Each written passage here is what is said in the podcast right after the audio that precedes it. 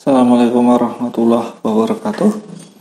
Alhamdulillahirrahmanirrahim. Ketemu lagi dengan saya Dr. Bram Irfanda dari Irfanda Capital Kali ini kita akan membahas tentang Salah satu emiten consumer good Yaitu roti Atau PT Nippon Indosari Korpindo Yang lebih dikenal dengan produknya yaitu sari roti.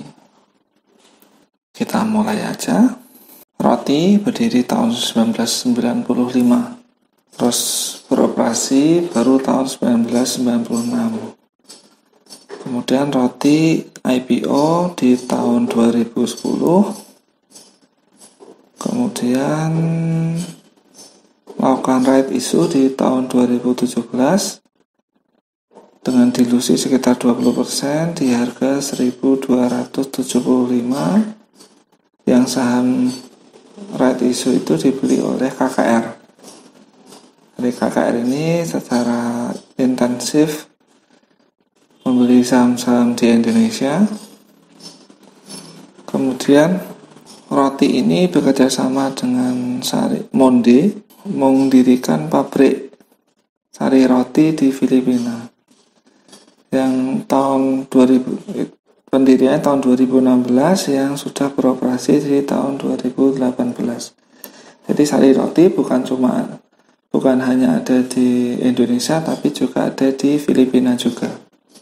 Terus pemegang saham roti yang pertama dan terbesar yaitu PT Rito Indo Retail Makmur Internasional atau DNET DNET yang menguasai 25,7 persen.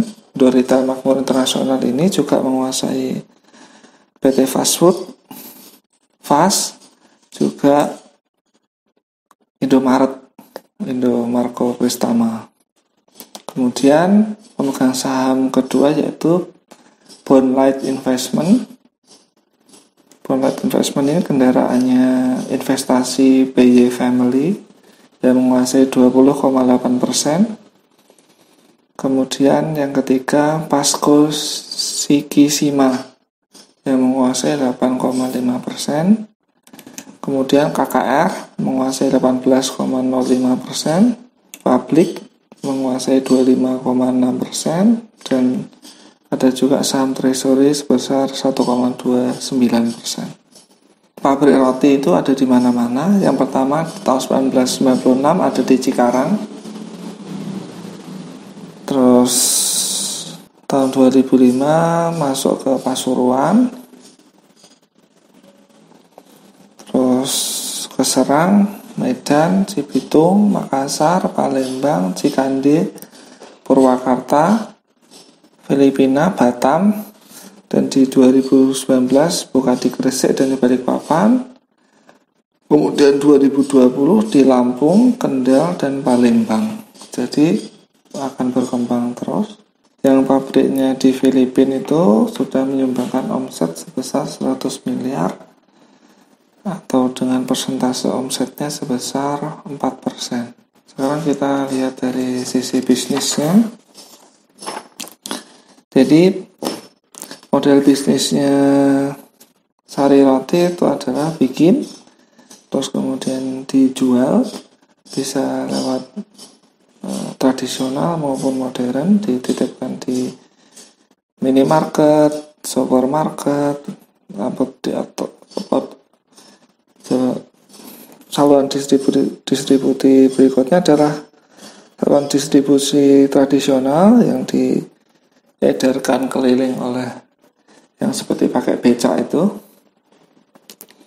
Nah, jadi setiap daerah itu saya roti ada 100 varian kue. Jadi saya roti ada forecasting tool. Jadi daerah ini lebih laku yang rasa ini. Gitu. Jadi yang mana yang laku itu ada forecasting toolnya. Jadi setiap daerah berbeda pilihan rotinya Kenapa kok seperti itu? Biar menurunkan tingkat retur. Jadi retur penjualan bulan Agustus 2018 itu sebesar 7,6% atau yang terendah sepanjang sejarah roti. rata-rata tingkat retur tahunan di tahun 2018 sebesar 17,6 persen. Berarti kalau Agustus ada di 7,6, rata-ratanya 17,6 berarti ada yang di atas 25 persen dalam sebulan yang diretur. Jadi seperti itu. Masalah utama berarti di pemilihan kue di suatu daerah sehingga tingkat returnya rendah. Kemudian di tahun 2018 tepatnya di bulan Oktober Hai Roti membuat inovasi produk. Bikin merek baru dengan nama Boti. Harganya 2000 per buah. Mereknya Boti. Bukan sayur roti tapi boti dengan harga 2000 per buah. Kenapa? Jadi sayur roti ingin mengeksplorasi ingin me masuk ke segmen D penjualan boti ini lewat kanal tradisional selama ini produk terlaris sari roti yaitu roti tawar dan roti manis bila kita lihat jadi roti itu membagi segmen wilayah di 2018 itu segmen wilayah barat ada Medan, Batam, Cikande, Palembang.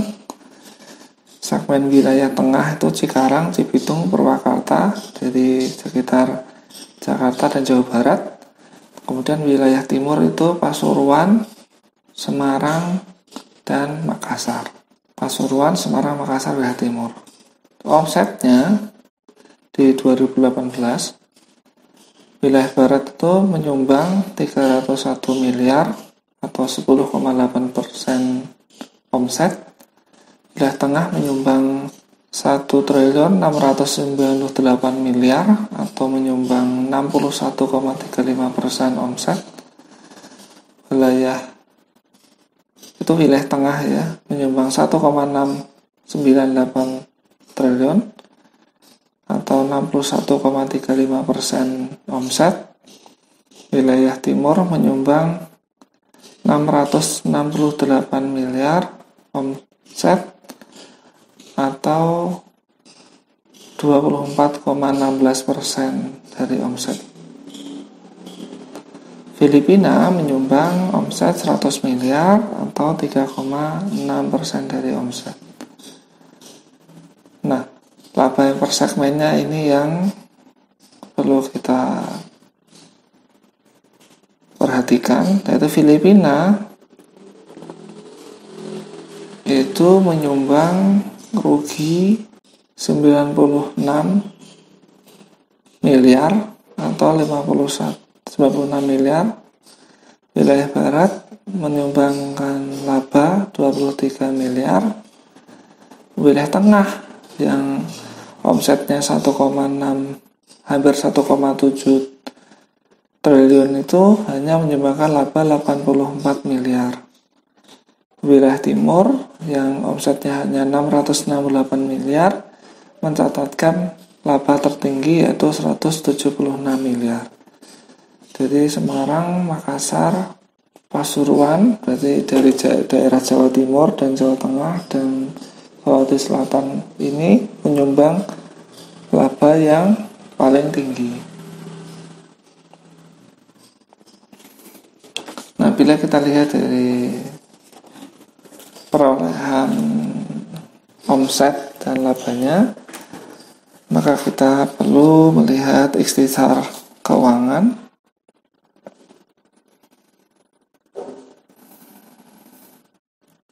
Nah, ini di tahun 2018 omsetnya tumbuh 11% menjadi 2,7 2,76 triliun. Gross profitnya 1,49 triliun atau naik 14% jadi pertumbuhannya masih bagus. Terus net profit di 2018 itu sebesar 173 miliar. Bila kita lihat laba tahun berjalan di 2016, 2015, 2014 kok lebih bagus daripada 2017 dan 2018 kenapa? Karena yang pabrik di Filipina itu masih rugi. Jadi me, memberikan kerugian. Pabrik di Filipina di 2017 dan 2018 menyumbangkan kerugian. Jadi laba bersih di 2017 dan 2018 lebih rendah daripada sejarah laba bersih milik roti. Bila kita bila kita lihat gross profit marginnya besar, milik roti ini besar yaitu sebesar 53,9 persen. Jadi gross profit marginnya besar. Sayangnya net profit marginnya di bawah 10 persen. Jadi gross profit marginnya besar tapi net profit marginnya di bawah 10 persen dan ini disebabkan karena yang Filipina itu. Nah bila dari kita lihat dari sekarang kita lihat dari sisi keuangan. Current rasio roti di 2018 sebesar 3,57 3,57 yang sangat bagus. Terus kas roti di 2018 itu sebesar 1,29 triliun. Jadi sangat bagus. Utang bank jangka pendeknya cuma 41,35 miliar jadi sangat bagus. Terus dari sisi solvabilitasnya kita lihat DER-nya sebesar 0,5 utang ber, utang berbunganya dibanding ekuitasnya sebesar 27,28 persen. 27 persen jadi 0 atau 0,27 jadi sangat bagus. Terus kasnya juga tinggi tadi darinya rendah. Terus dari solvabilitasnya sangat bagus. Utang bank dan utang bank jangka panjangnya hanya 206 miliar. Utang obligasinya jangka panjang hanya 498 miliar. Jadi kalau dijumlahkan cuma 704 705 miliar.